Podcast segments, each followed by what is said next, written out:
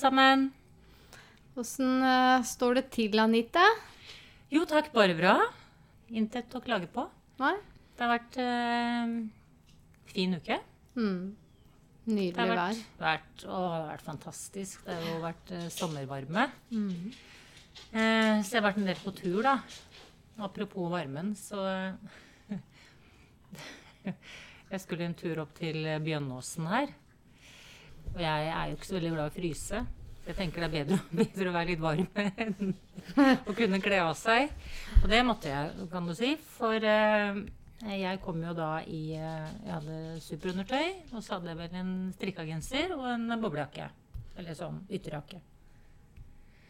Og den jakka måtte jeg ganske kjapt ha rundt livet. Uh, så ser jeg det kommer flere mot meg, så må jeg poengtere at vi har jo kanskje litt forskjellig eh, kleskode. For de går, de går i shorts og T-skjorte. Mm.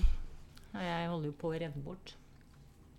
Men eh, fin tur ble det. Helgen var fin. Mm. Det er jo litt sånn når det plutselig blir så varmt som det har vært nå, så, så trenger vi litt tid til å omstille oss, egentlig. Mm. Uh, før vi liksom begynner å bruke litt lettere sko. Slutter å kanskje bruke superundertøy. Ja. Jeg har også vært gjennom den lille fasen der nå den siste uka, hvor jeg har gått over fra høye fjellsko til lave fjellsko. Må Mm. den ledningen der, den må jeg ta sånn. Der. Darma tok eh, ledningen her til Men mikken. Man lærer jo, da. Det, det blir jo ikke det samme en gang til. I år, i hvert fall. En feil gjør man én gang, så lærer man. Ja. Ja. ja. Vi hadde en veldig fin eh, eh, Kom jeg på nå, akkurat på den turen der, så kom jeg opp til noe som heter Jeg kaller det Det heter Markollslottet, heter det. Eller er det Ramstadslottet? Det var det jeg trodde det var, skjønner du. Ja. Jeg, jeg trodde jeg var på vei til Ramstad, men så het det visst Markollen. Så da er det sikkert to slott oppi Ah, der. mm. mm. Og der satt det en familie, eh, mor og far og tre barn, og så hadde de en hund som het Diana. Og da syntes jeg det var så fint. Han, eh, eh, denne hunden fløy rundt da, og så, og så kom den og ropte da faren på, på hunden.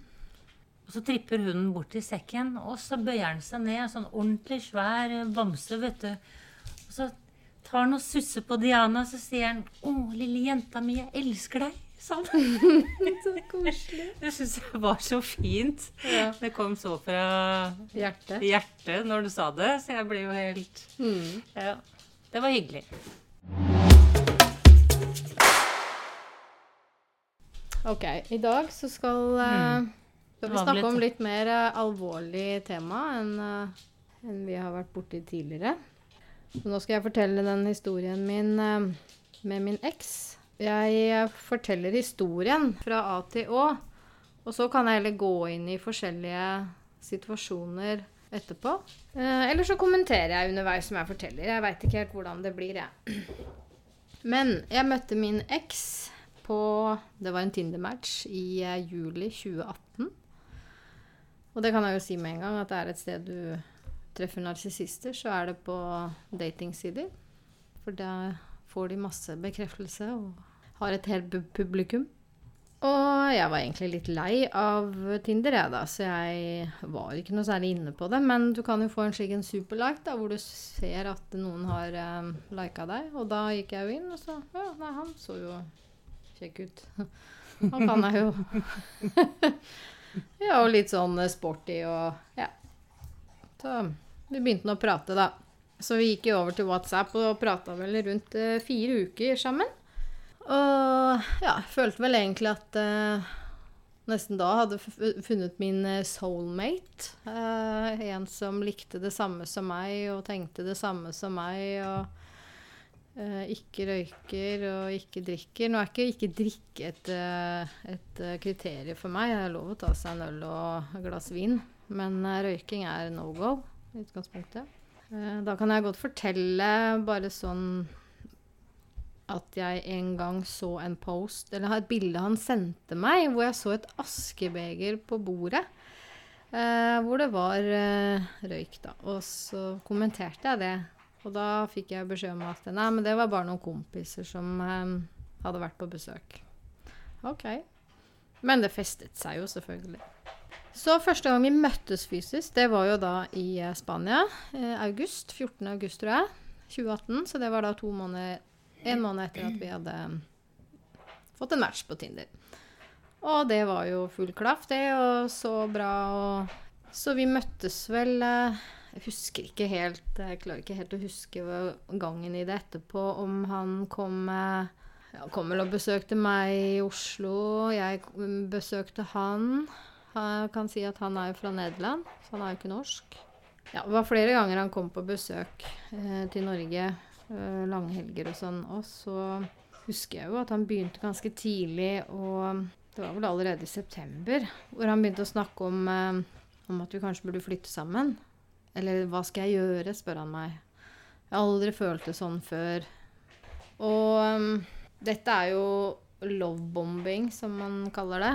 Eh, de bare overøser deg med komplimenter. Jeg våkna opp hver dag til eh, meldinger eh, med gjerne en kjærlighetssang. Og 'good morning', 'beautiful', bla, bla, bla. Og det er liksom no Det er, det er konstant. Det kan være Ja, så går det tre timer, og så får du 'love you'. Og så går det tre timer til, og så får du 'hei, hva gjør du?' Ikke sant? Og det er klart at i begynnelsen så er jo det Kan jo det være altså flatterende, da. At man Herregud, for en attention. Men det var noen ganger underveis der hvor jeg følte Oi, dette var litt mye. Og begynte å legge ut bilder av meg, ikke sant. Oh, this woman, I love her so much. Uh, to the moon and back. Det liksom var hans mantra. Uh, så jeg, jeg svarte jo egentlig at eh, jeg veit jeg, jeg kan ikke fortelle deg hva du skal gjøre. Men jeg bor nå her, og jeg kommer ikke til å flytte noen vei. Så det, det, det som skjedde, var at han rett, flytta til Norge, han. Til meg. Uh, I oktober. Så uh, da skulle han få seg en jobb her i Norge. Jeg merka første gang at det var, eh, det var eh, Første gang jeg så noe, noe negativt, da, hvis jeg kan si det sånn, det var allerede i oktober. I midten av oktober. Hvor jeg hadde yoga-tapas-vinreise til Spania. Hvor vi hadde siste dagen. Uh, og jeg er jo vertinnen, så vi hadde lunsjen vår. Den begynner klokka to. Den tar gjerne litt tid når man skal smake på viner og mat osv. Og og min eks skulle jo da komme til Spania den dagen. Jeg hadde jo ordna så noen kunne dra og hente han. Håpa jeg kunne bli med og, på flyplassen, men det så jeg, det, det gikk ikke. Når, når, um, når jeg måtte reise da, så var ikke vi ferdig med siste vin og, og, og måltid rett. Og da sender jeg jo melding om at um, at uh, ja, han blir henta, men jeg og Bolt kan dessverre ikke være med og møte deg. Men vi ses etterpå. Og da får jeg melding eh, Åh. Jeg bare visste det. Jeg bare visste at du ikke ville møte meg. Søren, altså. Liksom eh, Ja. Det var eh, blame, blame, blame. Og jeg ble ganske sjokkert. Fordi det der var så langt unna hvordan jeg forventer at noen skal reagere på det. Han burde bare være kjempeglad for å komme til Spania og være sammen med meg. Så jeg lot, det- jeg lot det ligge. Og så blei jo han med ut på middag på kvelden. Den siste avslutningsmiddagen. Og det er for så vidt koselig og hyggelig.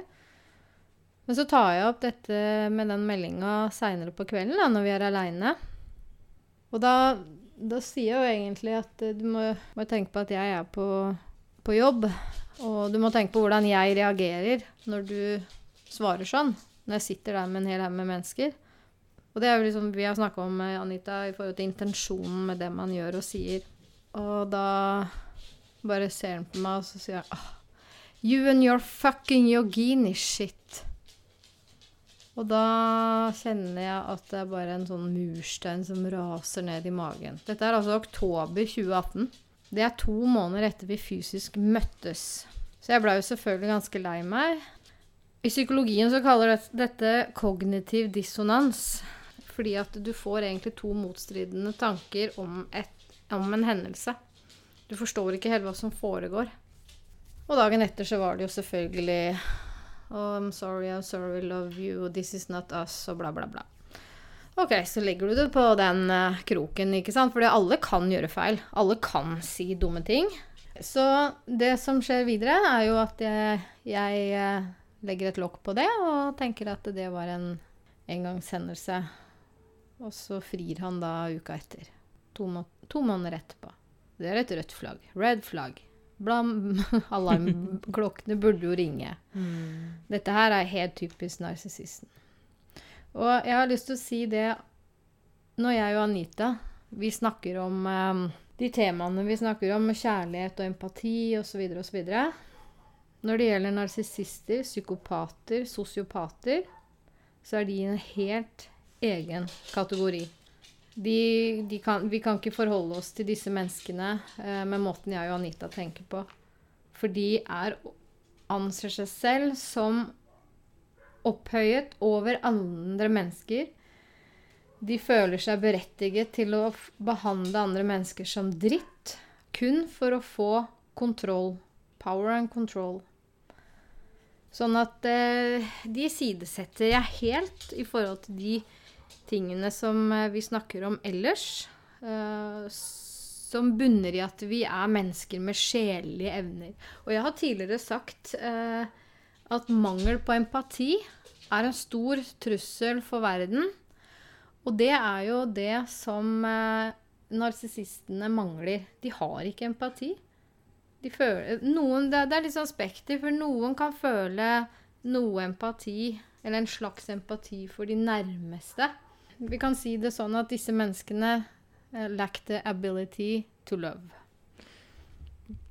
Men er det ikke ofte sånn at eh, kanskje de menneskene også går etter eh, kanskje de som er eh, lys og kjærlighet, og som er omsorgsfulle? Jeg tror det er ofte de menneskene som kanskje lar det gå litt langt, da. Ja, ja. Fordi at uh, vi ser det gode i folk. Og her må jeg bare si en, ting. Jeg har vært i dette forholdet her. Jeg kommer aldri, aldri, aldri til å ende i samme situasjon igjen, for nå ser jeg Mm. eh, monsteret. Eh, nå ser jeg gangen i det. Jeg har lært så mye av dette her. Mm. Men, eh, men ellers, det er jo på den måten jeg endte opp å bli Ja, nå blei jeg faktisk ikke så lenge i det forholdet. Og det er jo Vi bodde jo ikke sammen. Jeg var mye i Spania og Norge. Jeg tror vi hadde vi bodd sammen eh, tidligere. Over lengre tid så hadde det blitt slutt mye tidligere.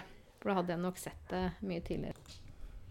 Jeg får tenke disse, eh, disse kvinnene som er eh, Som har dette, denne omsorgen i seg og er ser bakom. Så er det jo jeg har jo vært borti noe lignende eh, for mange år tilbake. Men det som ofte det, det som skjedde veldig ofte, det var jo at når det kom noe som var som var vondt, eller eh, som var stygt og ondskapsfullt, som du nevnte i sted, det der med kognitiv Dissonans. dissonans, så blir man stående litt sånn eh, fordi jeg kjenner det ikke igjen. Det er noe jeg ikke selv aldri, Jeg kunne aldri ha gjort det samme selv. Jeg kunne, jeg, så jeg, jeg får liksom ikke helt taket på det. Er du litt enig i det? At det Ja. blir til at du skyver det litt unna fordi du klarer ikke helt å forstå det. Du, jeg klarer liksom ikke å wrap around it. Så det blir en sånn en Hva er det som foregår nå? Og så må jeg liksom fordøye det. Og innen jeg har fordøyd det, så kommer da den der eh, kjærlighetsbomba Mm. i ettertid. Ja. Ikke sant? Og så, så går det en stund til. Så tenker man ja, nå blir alt meget bedre. Det du beskriver der, Anita, det er noe som kalles for disassosiasjon. Mm. Det er noe som skjer når du da blir utsatt for noe som er helt nesten utenfor deg selv. Mm. Eh, det blir som å, at du er en del av en film. Eh, at livet ditt eh, Du betrakter hendelsen på en måte utenfor deg selv, istedenfor å kjenne opplevelsen inni deg. Fordi du identifiserer deg ikke med det. Og det er derfor mange blir lenger det det er derfor det tar litt tid Ja. når du er i et forhold med mishandling. Mm. Jeg syns norske ord er litt fattig i forhold til ord. Jeg er nesten bedre å si eh, ting på engelsk eller amerikansk. Eh, abuse. Fordi det ligger så mye mer i det ordet. Når vi tenker mishandling, så tenker vi liksom bare fysisk mishandling. Men det er jo flere måter å mishandle på. Mm. Det er jo fysisk mishandling, du har følelsesmessig eh, mishandling, du har spirituell mishandling, du har økonomisk, eh, finansiell mishandling. Ja. Jeg skulle gjerne ta 100 slag på rappen. enn uh, den eh, psykiske og følelsesmess følelsesmessige mishandlingen som jeg ble utsatt for. For den setter så dype arr i si, sjelen. Mm. Ja, for den fysiske er mer synlig. Den er jo synlig, og så Den er er lettere å, lettere å, å gjenkjenne som Mm. noe galt. Eh, Den øh, psykiske så begynner man jo selv å stille spørsmål etter hvert. Jeg begynte å si veldig mye unnskyld, husker jeg. Mm. For Ja. ting jeg ikke visste hvorfor jeg sa unnskyld engang. Det ble bare unnskyld. Fordi det ble liksom ja, Ja. rettet mot meg. Jeg kan jo si det sånn at uh, i et forhold med Når jeg bruker ordet narsissist, så de er jo litt overlappende, uh, disse her begrepene narsissist, sosiopat, psykopat. Og vi har forskjell to forskjellige hovedgrupper av en narsissist. Det er en covert og en overt. En covert, han er litt sånn Det, det ligger i ordet. Cover, cover, undercover. Han er litt skjult. Han syns ikke med en gang. Og så har du en overt som er en ganske eh, åpenlys eh, narsissist. En liksom grandios som har høye tanker om seg selv osv. Donald Trump er jo en eh, overt narsissist. Mm. Og det er en norsk psykolog som har sagt at han anser han som en ondarta narsissist. Som min narsissist er også. Som er den farligste typen, fordi jeg er i stand til å gjøre alt. Jeg har mange ganger tenkt på hva Donald Trump gjør innenfor lukkede dører. Det har jeg nesten ikke lyst til å vite.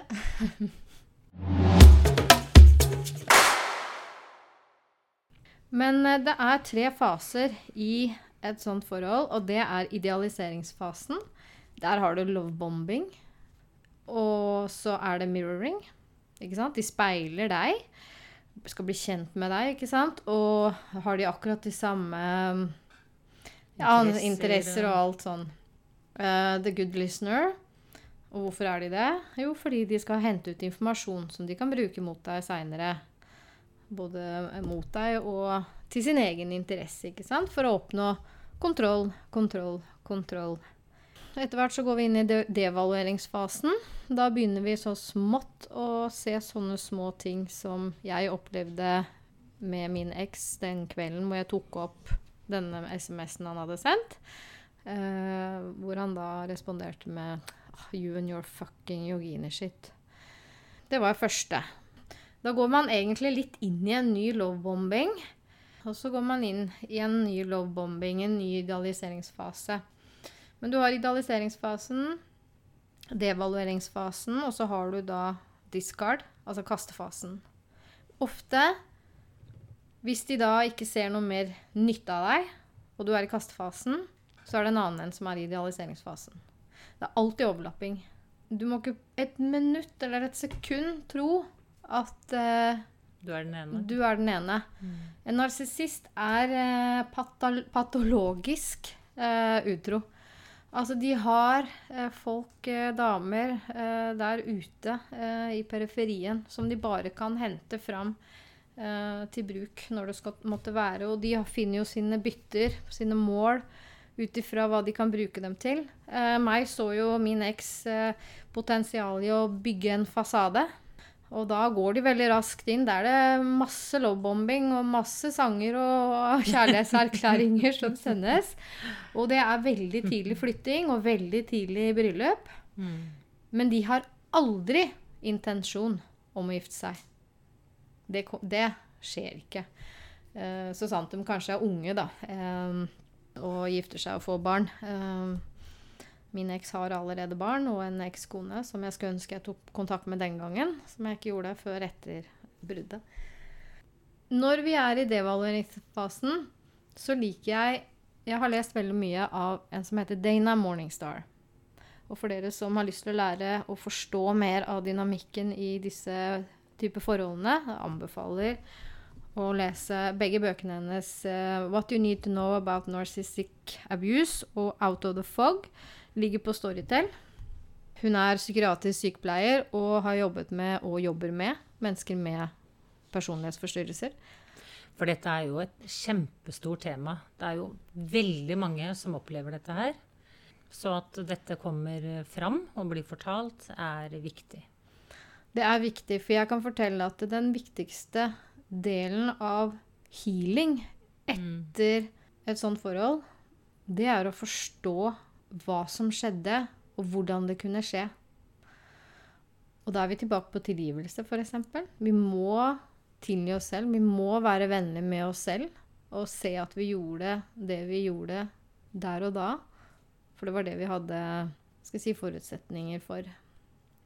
Men jeg tror det er viktig at vi Du kan aldri gardere deg for dette her, men at vi tidlig setter standard. Som Dana Morningstar kaller det 'ideal breakers'. Hva er en ideal breaker for deg, Anita, ikke sant? i forhold til å møte en mann? Hva er det som på en måte er helt no go? Det kan være røyking. Mm. Hva er det man ser etter? Jo yngre du er og kommer inn i et sånt forhold, jo vanskeligere er det å komme ut, da, fordi du har kanskje ja, ikke bygd deg opp en god, sterk plattform av selvfølelse. At ikke du på en måte har de klare standardene sant, Mm. for ideal breakers. For meg så var røyking en ideal breaker. Jeg trodde jeg fant en mann som ikke røyka. Alt så langt unna sannheten. Mannen røyker jo minst 20 røyk om dagen. Han er en type som har røyk i munnen mens han jobber. Da Det- høres det litt rart ut at, at Men, men, ja, men han begynte kommer å snikende, vet du. Å ja. Dette kommer Han snikende. tok det fram etter hvert. Ja, og det Det er jo er det det er med å fange inn i nettet. Det er jo det Ja. det er. Og der var jeg da tilbake til det jeg uh, skulle si i stad. Uh, how to boil a frog. Som Dana Morningstar uh, beskriver. For hvis du skal koke en frosk, så kan du ikke koke opp vannet og kaste frosken oppi, for den bare spretter ut igjen. Mm. Men hvis du legger frosken oppi lunka vann, behagelig vann, og skrur opp temperaturen litt og litt og litt og litt, så merker jo ikke frosken egentlig hva som skjer, før det for, går for langt. Mm. Og der er jo narsissisten helt rå på manipulasjon og unnskyldninger osv. Future faking, promises, false promises Og du vil jo aldri få en ekte unnskyldning av en narsissist. Hvis du begynner å lytte til en unnskyldning til en narsissist, så handler det egentlig bare om dem, dem, dem. Du kan til og med få et eh, Ja, og hva med deg? I samme slengen. Når de beklager noe, så «Hå, Hva med deg? Hva med ditt ansvar? Det er jo ikke en sincere apology, som Dana Morningstar sier. En annen ting, Hun har skrevet da en annen bok også, som heter 'Out of the Fog'. Og eh, fog, vi kan godt si at det er en tåke å være i et slikt forhold. Hun sier 'an abusing relationship is a confusing relationship'. Og grunnen til at det er så confusing, forvirrende, er fordi at det er så utrolig mye kognitiv dissonans. Jeg skal komme med et eksempel på hva det er etterpå. Men jeg vil bare forklare FOG, for det er et akronym hvor F står for fair, O står for obligation, og G står for guilt. Fair, obligation, guilt. Så out of the fog. Så vi må komme ut av frykten. Vi må komme ut av obligation. Det måtte Og guilt. Det er mye skyldfølelse. Eh, kognitiv dissonans. Eh, hvis du tar eh, din partner i å være utro, eh, så kan du få to tanker i hodet. Du vil ikke leve med en som er utro, men du vil ikke skilles deg fra vedkommende fordi du er så glad i vedkommende.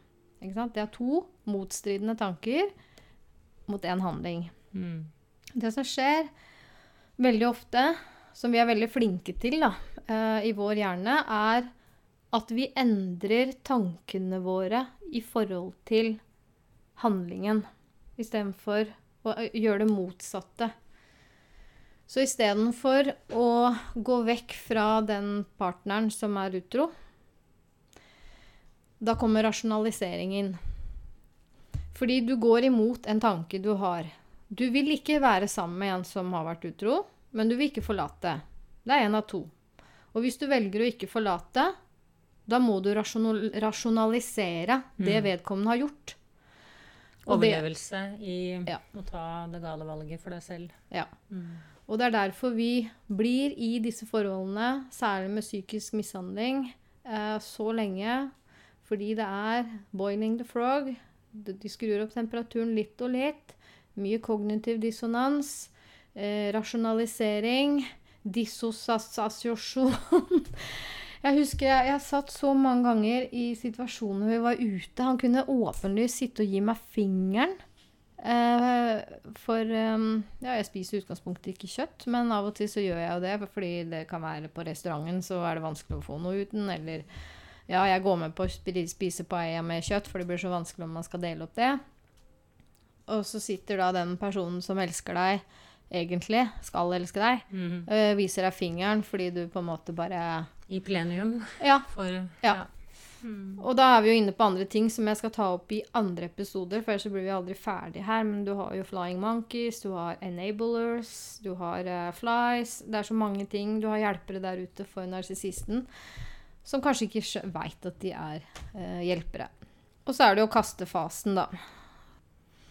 Det er jo der eh, kanskje den fysiske mishandlingen kan skje òg, og særlig hvis, hvis du merker at du er på vei ut av forholdet. Da er de farlige. Og det var jo det som skjedde med meg. Eh, men litt tilbake til min historie, da. Hvor han da fridde til meg i oktober, to måneder etter at vi fysisk hadde møtt. Ok, red, red flag. Men igjen, jeg hadde ikke så mye å arrestere ham på. At han sa noe stygt til meg én gang. Ja. Eller, altså I dag så hadde jeg ikke akseptert det. En mann som sier sånn til meg, og veit hvor viktig yogini og kjærlighet og mennesker, fellesskapet, hvor viktig det er for meg, snakker ikke sånn til meg. Det er en ideal breaker for meg i dag. Mm. Ikke sant? Så det jeg har lært av dette forholdet, er jo å virkelig sette standard for hva som er akseptabelt og, og ikke. Og jo klarere vi har de standardene, jo mer kan vi kanskje stå imot eventuelt neste, mann som kommer. Hvis det er en narsissist som har lyst til å prøve seg. Just come on and I will kick your ass.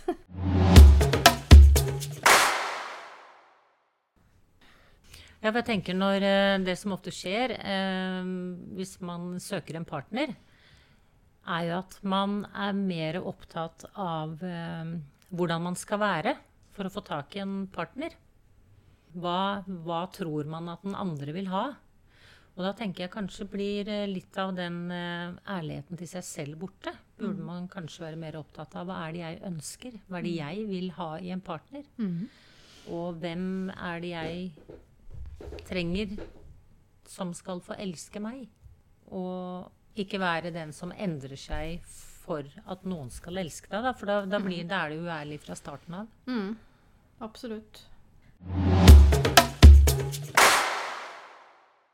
Etter den, eh, det forholdet her, så har jeg vært nødt til, som en del av eh, helingsprosessen og terapien min, eh, gå helt tilbake i barndommen og minnes situasjoner og hendelser som på en måte har betydd mye for meg og formet meg.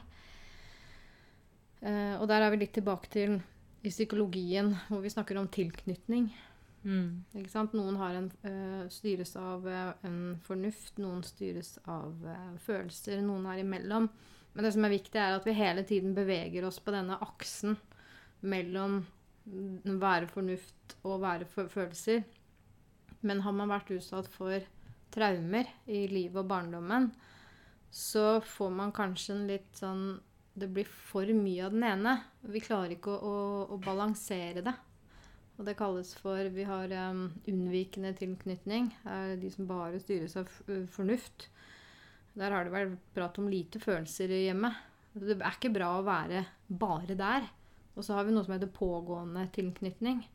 De er jo styrt av følelser. Uh, der er det jo tallerkener og tresko som uh, kastes gjennom veggene, og der er det veldig mye følelser. Litt Mm. for mye.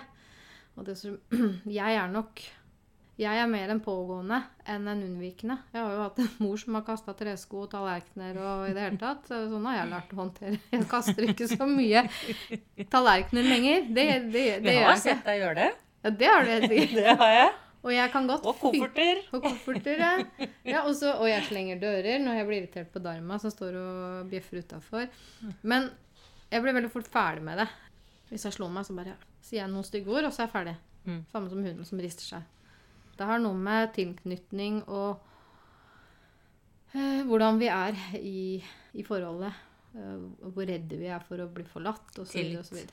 Tillit Tillit, ja. til hva?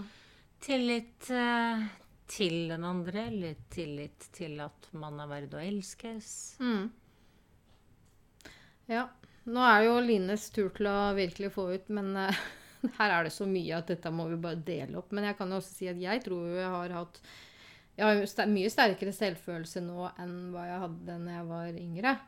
Men jeg har jo hatt en veldig høy grad av selvtillit. Jeg har hatt tro på egne evner og prestasjon. Derfor har jeg jo tatt pilotutdannelse og bare gjort alt det kanskje mange bare tør å tenke. Mm. Så har jeg gjort det, og jeg har gjort det bra. Og så har nok eh, selvfølelsen bygd seg opp mer og mer. Og jeg har forstått mer av meg selv også gjennom yogaen, og at jeg ikke er ekstrovert, men jeg er ambivert. Mm. Jeg er en mellomting mellom introvert og ambivert og Nei, introvert og ekstrovert. Så nå skjønner jeg hvorfor jeg plutselig blir bare veldig sliten. Jeg må ha tid for meg selv. Jeg er mye i skogen og, og sånn. Sånn at jeg har kjent, blitt mer kjent med meg selv gjennom yogaen. Og stillheten. Yogaen gir oss jo muligheten til, eh, til en mykhet. Det blir stille, og vi gir oss selv en mulighet til å være vennlige mot oss selv. Mm. For jeg har jo den samme historien. Vokste opp og tenkte på meg selv som veldig outrovert. Mm. Var veldig, veldig maskul ekstrovert, men jeg, Mm. og var veldig maskulin. Og bare hoppet i ting. Og bra på selvtillit. Mm. Men uh, det var så mye selvtillit at det var jo for oss å veie opp Mm. dårlig selvfølelse, selvfølgelig. Men nå er jo ikke selvtillit noe dårlig i seg selv. Altså. Nei. Det, det er det ikke. Uh, Det blir dårlig i den grad Dårlig balanse. Ja, at vi har dårlig balanse, og at det eneste Du blir en sånn utømmelig kilde til bekreftelse i et Mm. forhold da, hvis Ja. du har lav selvfølelse. For da må du ha bekreftelse på at du er bra nok. Elsker du meg? Å, hvorfor sa du det? Mm. Oi, eh, hva mente du med det? Jeg var helt ekstrem sånn i ungdommen, da. Jeg kunne jo klikke for ingenting av noe som ble sagt. Ja, da Men- hadde du dårligere selvfølelse enn meg, for jeg, jeg var ikke helt der. Oi, oi, oi, det er godt vi ler litt òg i dette alvorlige temaet. Eh, men litt tilbake til eh, Vi hopper jo litt fram og tilbake her, så jeg bare håper dere eh, holder litt med. Vi må jo touche litt innom Det er jo et stort tema her, som Anita sier, og vi, det, vi skal, eh, det, dette skal deles opp i flere deler som tar for seg eh, narsissisten og, og dynamikken der. Videre, etter frieri, så um, reiser vi hjem til Norge, og um, jeg reiser etter hvert på jobb til uh, Tenerife. Jeg jobber jo som personlig assistent for en som um, har behov for litt hjelp, og er med henne til Tenerife to ganger i året. Så da er jo tre uker på Tenerife i november. Uh, hvorpå han faktisk kommer ned en uh, ti dager mens vi er der nede. Og han er jo den uh, storsjarmøren, ikke sant? Sånn som alle narsissister er. De sjarmerer jo alle i senk. Og så når han reiser hjem, fra dag én, når han forsvinner, så, så starter det et helvete med SMS-er. Hvorfor svarer du ikke? Jeg ser du er på. Det varierer fra hot and cold, hvis jeg kan si det sånn. ene øyeblikket er alt gærent, og hvorfor svarer jeg ikke? Og, og andre øyeblikk så 'Å, jeg elsker deg. Det er bare derfor, siden jeg må høre stemmen din', og Men hvis jeg prøver å ringe, så tar han ikke telefonen. Og så kan han svare 'Jeg gidder ikke å snakke med deg nå. Vi snakkes i morgen'. Ikke sant? Og jeg husker at jeg hadde den gifteringen, eller forlovelsesringen som jeg hadde kjøpt. Det var som en sånn uh, slange. ja, det var jo faktisk en sånn Det var jo symbolsk. som ja. Jo, men vet du hva? Det er altså eh, Det var jo som en sånn slange, så at denne ringen, den var jo ikke hel. Den satte seg fast i alt. Hele tida. Og til slutt så blei jeg så sinna at jeg bare dro hånda mi til meg når jeg, den hang fast i veska eller et eller annet. Og da røyk han. Ja. Og så var det en annen gang hvor det var et kjede som jeg hadde fått av han eh, når vi var i Benidorm eh, i august. Og det datt i gulvet og knuste i to. Og vi er jo opptatt av Tok du ikke hintet da, Tok Line? jeg ikke Tok du ikke da? hintet da? Ikke sant? Vi som er så Universet bare Ja. Wake up call. Ja. Og Janne sier Jeg har ikke troa på dere, jeg, Line. Og vet du hva, da var jeg altså så fed up, og jeg trodde at jeg ville Nei, dette her går ikke. Men så møtes vi jo igjen da i desember når jeg kommer hjem, og da er jo alt bare strålende og lovebombing og Og da er jo han hjemme hos meg. Eller han har jo flytta inn til meg. Og skal jo skaffe seg jobb. Og her har du jo også da disse her løgnene eh, som eh, narsissisten kommer med. Han sier jo at han har vært i kontakt med Adecco, og at eh, det er en dame som skal ringe tilbake til han som han har snakka med. Eh, og jeg maser jo om at han ja, skal da fortsette å ta kontakt. Det jeg finner ut av, er jo at det eneste han har prata med, det er jo en resepsjonist. Som da skal gi en videre beskjed til en annen om å ringe. Hvis du begynner å gra altså hvis du vil finne ut av hva du har med å gjøre, eh, så stiller du spørsmålstegn. Kritiser, grav dypere. Fordi en narsissist vil bare det, det bare kommer til å falle fra hverandre. Og Dana Morningstar hun bruker et uttrykk som heter word salad. Ordsalat. Og det er jo hvis du da stiller eh, eller konfronterer en narsissist om et eller annet. Eh, om en løgn eller eh, et eller annet du ikke helt skjønner, som du vil grave dypere i. Mm. Da begynner de å prate og forsvare seg, og, og så drar de inn kanskje tema. Skifta tema. Og til slutt Du kommer aldri til orde. Og til slutt så blir du sittende igjen som et sånn Hva skjedde Hva her? var spørsmålet? Hva var egentlig Det var det spørsmålet? Mm. Ja. De her er helt rå, altså, på å gjøre det der greiene. Ordsalat syns jeg er veldig dekkende. De er gjerne flinke med ord også. Ja. Men jeg husker en gang han sa til meg Bruker mye ord som, ja, De bruker jo ord som våpen. som våpen. Det, det gjør de. Mm. Have you, have you seen yourself in the mirror lately? And you are the one I'm going to get married with? Oh my god. Det sa han til meg faktisk allerede i oktober.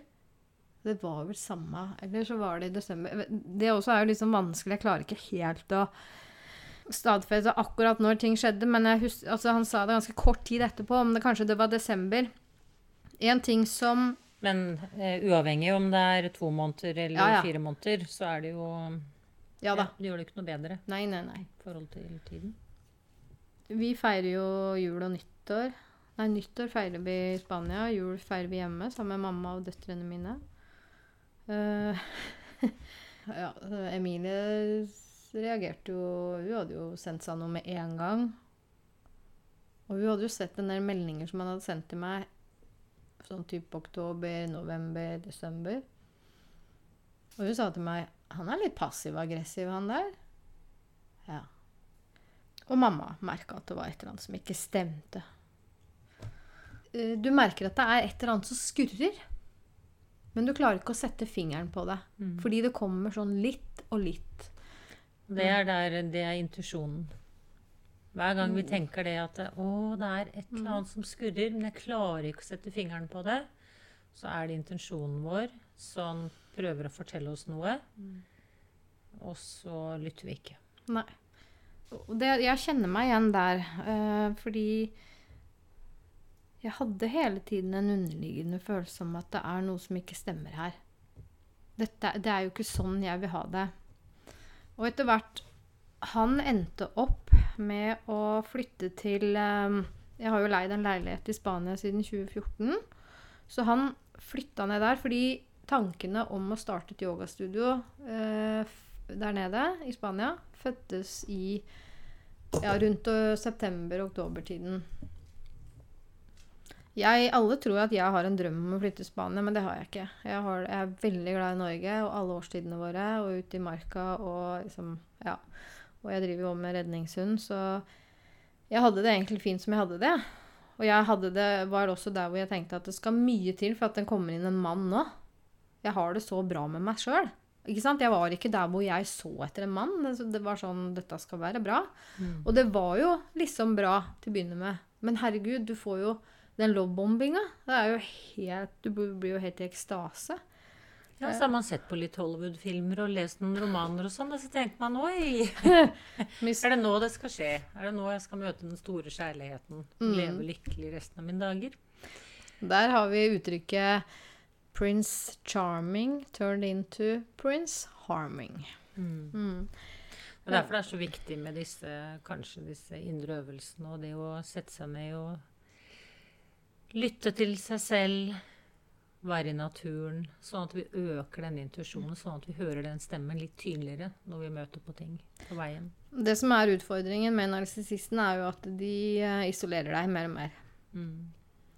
De prøver å ta fra deg Altså det å flytte vekk fra familie og venner. Så det at vi flytta til Spania, det var på en måte en isolering, men nå var jo dette mitt territorium, da. Mm. Jeg hadde jo bygd meg opp en, et liv der med venner og en leilighet.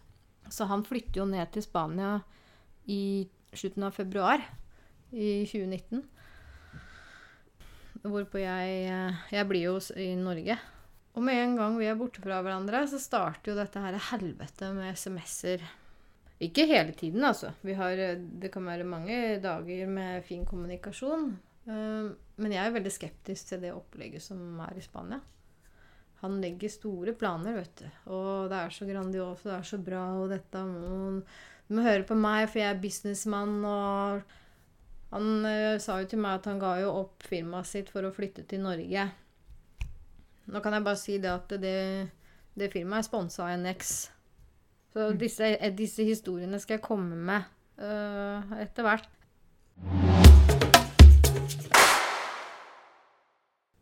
Når han flytta inn til meg, så blei jo husleien min satt opp med 2500. Så jeg, bodde, jeg leide jo av noen folk som ikke var så veldig ålreite, da. For det er litt i gråsonen av hva som er lov. eh, å sette opp husleia når eh, kjæreste, ektefelle, barn, familie flytter inn. Det er ikke lov. Så da får jeg plutselig en husleie på 13 000 istedenfor 10 500. Jeg sa til min eks at jeg hadde ikke råd til å sitte med den eh, leiligheten når vi møttes. Ja, men nå er vi jo to, så nå kan vi jo nå, nå, dette, dette gjør vi jo sammen. Mm. Men det er jo bare tomme ord. Han fant seg jo ikke noe jobb i, i Norge, det skjønner jeg jo. Men han har flytta han til Spania fordi han hadde jo fått seg en jobb i en felles bekjent der nede. Og eh, jobba med tanker om dette yogastudio osv. osv. Med en gang han merka at jeg var litt sånn på vei ut og vekk fra de planene våre, da heiv han seg på og sa at nei, nå hadde han fått fast eh, jobb og fast inntekt. Men, men jeg begynte å grave litt i det, så var det jo bare Nei, det var jo bare hvis det var oppdrag, da. Så det som skjedde, var jo at jeg satt jo da og betalte husleie hjemme i Norge som på 13 000. I tillegg til at jeg måtte betale husleia nede i Spania. For han evna jo ikke å få inn penger. Og det er, jo, det er jo sånn de holder på. Og planen er jo at jeg skal flytte ned 1. juli, og hvor vi da skal åpne yogastudio og yogabar. Jeg merker at hver gang jeg reiser ned til Spania, så gruer jeg meg. For det blir alltid bråk. Og det er også en følelse man kjenner på når man er sammen med en sånn narsissist. At det, der man egentlig skal føle glede, og det å glede seg til å se den andre osv., så, videre, så gruer man seg egentlig. Man gruer seg for å gå ut og ta et glass vin fordi hvis jeg, Du vet ja, aldri hva som kommer. Veit aldri hva som kommer. Og Cola og Bacardi Da ble det svart. Så det er mange ting som skjer imellom her, som jeg kan fortelle om seinere. Det som skjer, er at jeg endelig flytter ned til Spania 1.7. Jeg kan jo si nå at det, det er jo så mange ting Det er så mange signaler jeg egentlig har fått underveis at jeg skulle jo aldri ha gjort det. Men jeg gjorde det. Og det er jo som vi har snakka om, Anita. Vi kan ikke tenke på hva jeg skulle ha gjort. For vi gjorde det ikke. Og det er en grunn til at vi var der hvor vi var. Mm. Så det må vi bare forholde oss til, at sånn er det. Når jeg flytta ned, så tok det fem uker hvor han endret seg poff totalt. Jeg syns det var naturlig å skrive en kontrakt sammen på den leiligheten som jeg leide. For min kontrakt gikk jo da ut august 2019. Så da tenkte jeg det er naturlig at vi skriver under sammen på den neste. Og, jeg hadde jo møte med huseieren og Det som skjer, er at eh, min eks går bak ryggen på meg Og sier til huseier at jeg og eks har blitt enige om at eks skal stå alene på kontrakten for, å øh, for ikke utsette meg for noe økonomisk heftelse. Hvorpå huseier, som jeg anser som en venn, aksepterer. Det er jeg veldig skuffa over. Men det gjør jo at han juridisk sitter med den leiligheten. Og dette får jeg da vite i en krangel. eh, en diskusjon som vi har. Og da blir jeg jo helt satt ut. Dagen etter så er alle bildene mine sletta. Alt han har lagt ut om meg, er sletta. Vi er ikke i forhold lenger. Ingenting. Eh, og da, dette var jo da i begynnelsen av august 2019. Da hadde Og yogastudio var en del av leiligheten, av eh, leiekontrakten, eller? Nei, nei da, de hadde ikke noe med hverandre å gjøre. Mm. Det var et eget lokale eh, nede ved, ved stranda.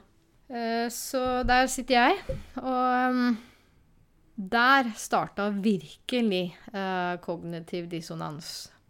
Eh, jeg blei nok egentlig ferdig med hele mannen da, men jeg var i en vanskelig situasjon. Jeg hadde flytta, var i Mm. Spania. Gud, mange ganger mammaen min fikk telefon og meldinger.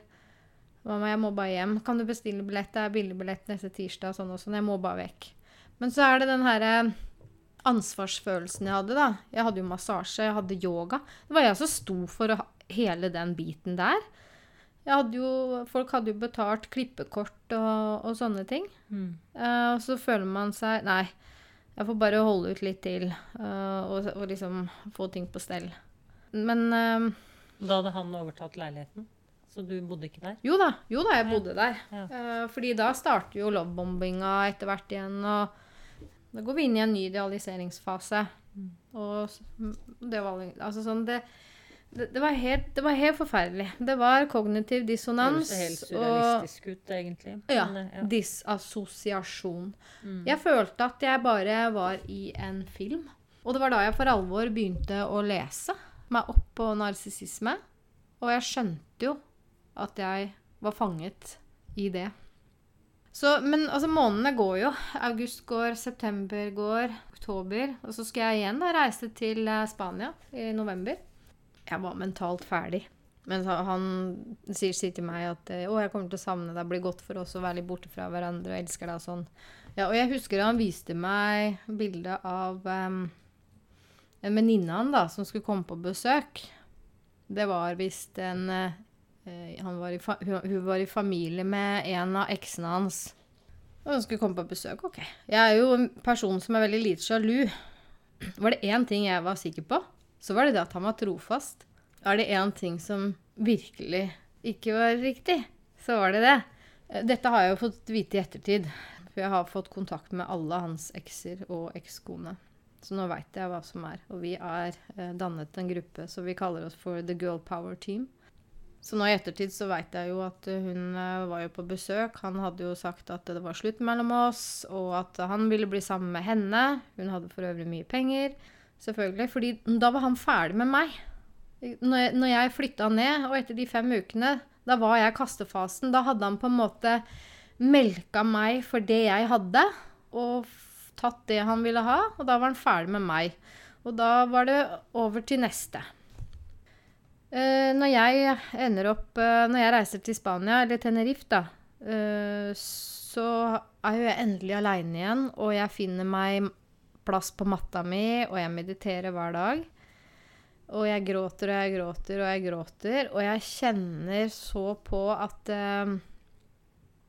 Hvor destruktivt dette forholdet har vært for meg. Er helt forferdelig. Og akkurat som om han bare merker og senser det, så er han jaggu på igjen. Og love you, love you, og begynner med lovebombing og sanger og greier og greier igjen. Ja, som jeg sa til han, at jeg, jeg har ikke noe tro på oss lenger, og det er sånn og sånn, og det har vært for mye vonde ting som har skjedd, og Vet du hva, det er et uttrykk som eh, heter abuse amnesia. Og det er egentlig det som skjer, og det er jo en overlevelsesstrategi. Vi har jo en hjerne som er helt fantastisk, som, som ønsker oss egentlig alt godt å overleve. Og dessverre så er vi veldig flinke til å glemme vonde ting. Ja, vi har jo den, Ellers så hadde vi aldri født barn eh, flere ganger. Hvis vi skulle huske all det vonde. ikke sant? Vi har jo en evne til å fortrenge ting. Og det er jo det som skjer, og det kalles for abuse amnesia. Hvor når de er i gang med lobbombing og alt og er så fint, så begynner du å huske liksom den, den gode lobbombingtida, For den er så innmari bra, ikke sant? Etter hvert da så blir vi vel enige om at uh, kanskje prøve en siste gang, eller en gang til. For jeg var jo egentlig ferdig, og det var jo det han merka. Da hadde han vel ikke fått napp, da, vet du. Fra hun som kom og besøkte den. Og det er vel også selvfølelsen din så i bunn. Den er, den er rett og slett Ja, du så blir- Du er så i kjelleren mm. at uh, all, eh, alt det lille som er av godt av Ja, du blir egentlig helt så- defragmentert. Ja. um, Og det er du tenker jo det- ikke klart, tenker jeg da. Mange Eller alle som har vært gjennom sånne for forhold, Da er i mørket, og så er det en som kommer og de, ja, men de har en følelse av at de De har bare mista seg sjøl helt. mm.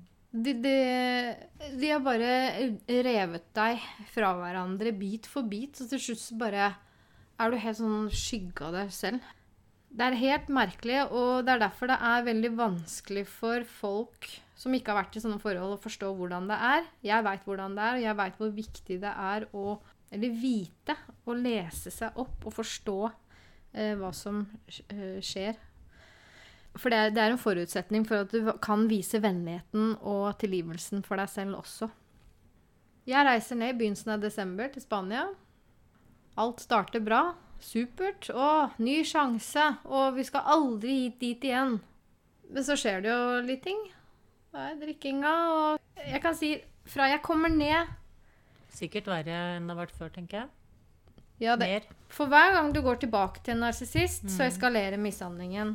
Og fra jeg kom ned til Spania igjen, til han mishandla meg fysisk, tok det ti dager. Og da var det kvelden før, så husker jeg han sa et eller annet a a look in the mirror, you fucking piece of shit. Og så meg i øynene. Og da kjente jeg da jeg er ferdig. Så går jeg og legger meg. Dagen etter for da sover vi på hvert vårt soverom igjen. Så knakker han på døra, og så sier han at ehm, Unnskyld for noe av det jeg sa i går. Unnskyld for det jeg sa i går. Men ikke alt. Altså, sånne unnskyldninger får du fra en narsissist. Eh, vi er jo ikke helhjerta i det hele tatt. Men eh, vi har mye å snakke om i kveld. Jeg svarer ikke, for han skal ut på sykkeltur.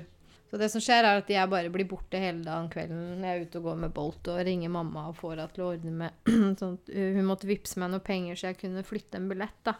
Jeg hadde allerede billett, for jeg skulle hjem med Bolt til dyrlegen og sånn. Og så skulle han møte en felles bekjent som jeg trodde var en venn. Han er en flying monkey. Han skal jeg ta for meg en annen gang. Eh, så jeg eh, er litt engstelig egentlig for å reise hjem. Men jeg gjør det. Jeg drar hjem og lager meg noe mat og ser litt på TV. Så hører jeg han komme hjem. Han setter seg ned i sofaen. Ja, begynner jo selvfølgelig å snakke om hvorfor ikke jeg svarte på meldinger og bla, bla, bla. Og så Nei, men det er jo ikke noe å snakke om. Og så begynner han jo å egge opp uh, til bråk. Det er jo det de gjerne gjør, da. Uh, husker ikke helt hva han sa. Men uh, til slutt så blir han så provosert at jeg ligger jo henslengt på sofaen. Og så drar han meg ut av sofaen etter genseren. Den revner. Eh, det står en vaskebøtte på gulvet som hvelver. Eh, og han sparker meg i magen mens jeg ligger nede.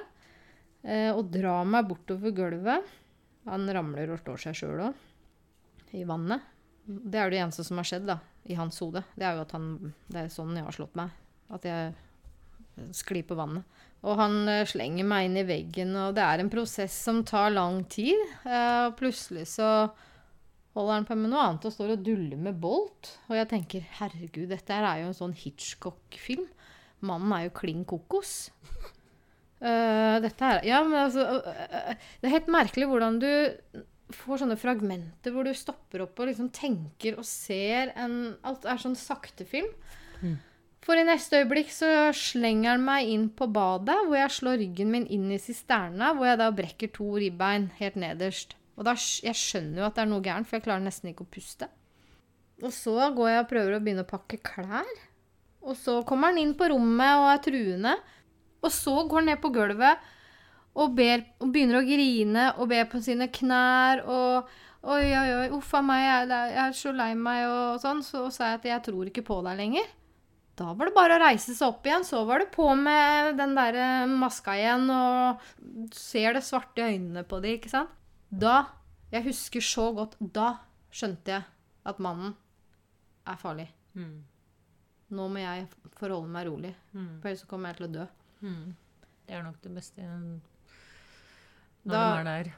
Jeg husker, jeg husker det så godt. Komme Eh, seg unna. Ja. Uh, men jeg endte opp på kjøkkenet, og han var der, og så Plutselig ser han på meg, og så tar han kvelertak.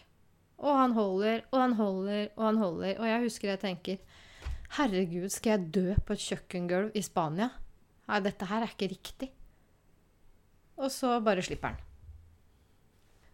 Og så går han og begynner å kaste ut klærne mine av soveromsvinduet. Da bare tar jeg Bolt, og jeg går ut. Løper. Ikke har jeg telefon, for den er nødlagt. Passet mitt det finner jeg ikke. Eller det lå nederst i en eller annen koffert. Jeg klarte ikke å tenke. Jeg måtte bare komme meg ut, jeg. Jeg angrer så i dag på at jeg ikke ringte politiet. For det som skjer, er jo at jeg gjemmer meg i to døgn i en leilighet i gamlebyen. Reiser hjem. Og så skjer covid-19 etter hvert. Så jeg får, har jo ikke fått vært og Det må jo anmeldes i Spania. Historien er ikke ferdig her, fordi mannen klarer jo faktisk å huvre meg tilbake igjen. Eh, og det viser hvor, hvor sterkt det er. Altså, jeg var helt ferdig med denne mannen. Altså, jeg reiste hjem til Norge og var helt ferdig. Og det var så mye fram og tilbake. Han sendte meldinger til Celine om hvor gæren jeg var, og at jeg kom med løgner, og at jeg Ehm, at han skulle hørt på Celine når hun sa at, var, at eh, jeg ikke var god. Altså, alt er jo bare tull. Men å sende en sånn melding til datteren min eh, Jeg har jo disse meldingene ennå. og hun jeg, jeg støtter min mor 100% ferdig med det, altså. Og han sendte meg jo Det er også typisk narsissisten. De kommer med selvmordstrusler. Han sendte, de, han sendte meg mange sanger, da. Ikke sant? Sentimentale Altså sånn for oss.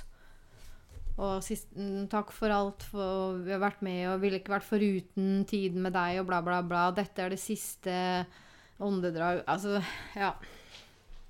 Jeg bare Jeg var livredd. Jeg turte ikke å gå rundt i byen de to dagene. Det var en god venn av meg som, eh, som hjalp meg. Og visste jo om hvem som hjalp meg, og sendte jo trusler til han også. Han driver jo flere barer i Spania, eller i den byen jeg holder til.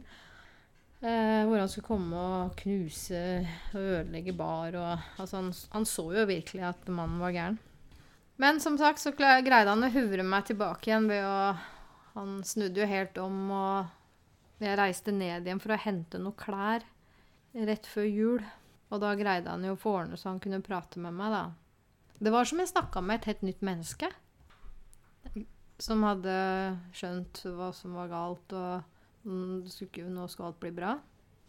Men jeg hadde en eh, At jeg lot det gå så langt, det er helt utrolig. Jeg anser meg sjøl som en med høy standard, gode verdier, en god intuisjon. Det kan godt jeg har det, men jeg hørte faen ikke på han. Det skulle jeg jo gjort. Men jeg skjønte jo etter hvert at uh, han har jo ikke endra seg i det hele tatt. Og jeg reiste jo tilbake til Norge.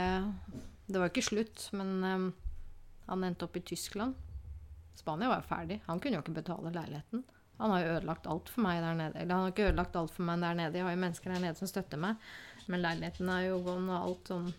Han klarer ikke å holde på noen ting. Men det er derfor han må ha nye ofre hele tiden. Fordi ja, det er sex, klær Han er jo en forbruker. Ja, og noen til leketøy, og noen til fasade, og noen til status, og ja.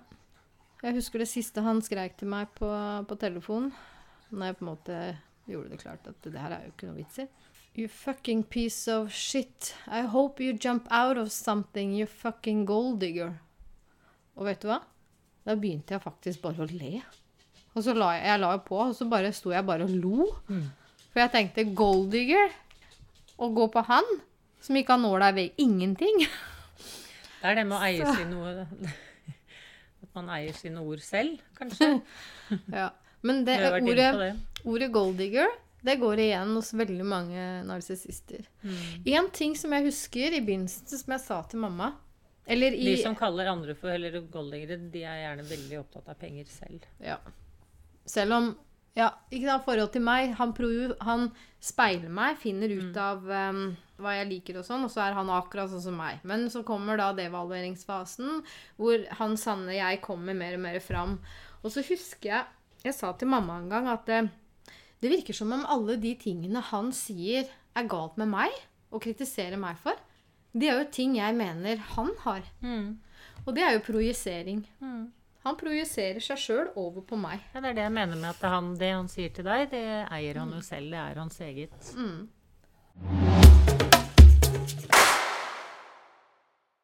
Ok, folkens. Jeg håper dere har fått en litt eh, innblikk i min historie.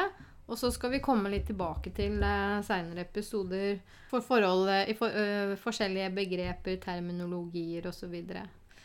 Og jeg har også et ønske om å kanskje få noen gjester uh, som kan snakke litt om dette temaet. For jeg vet at det er ikke så mange grupper og steder man kan venne seg til i Norge når det gjelder dette.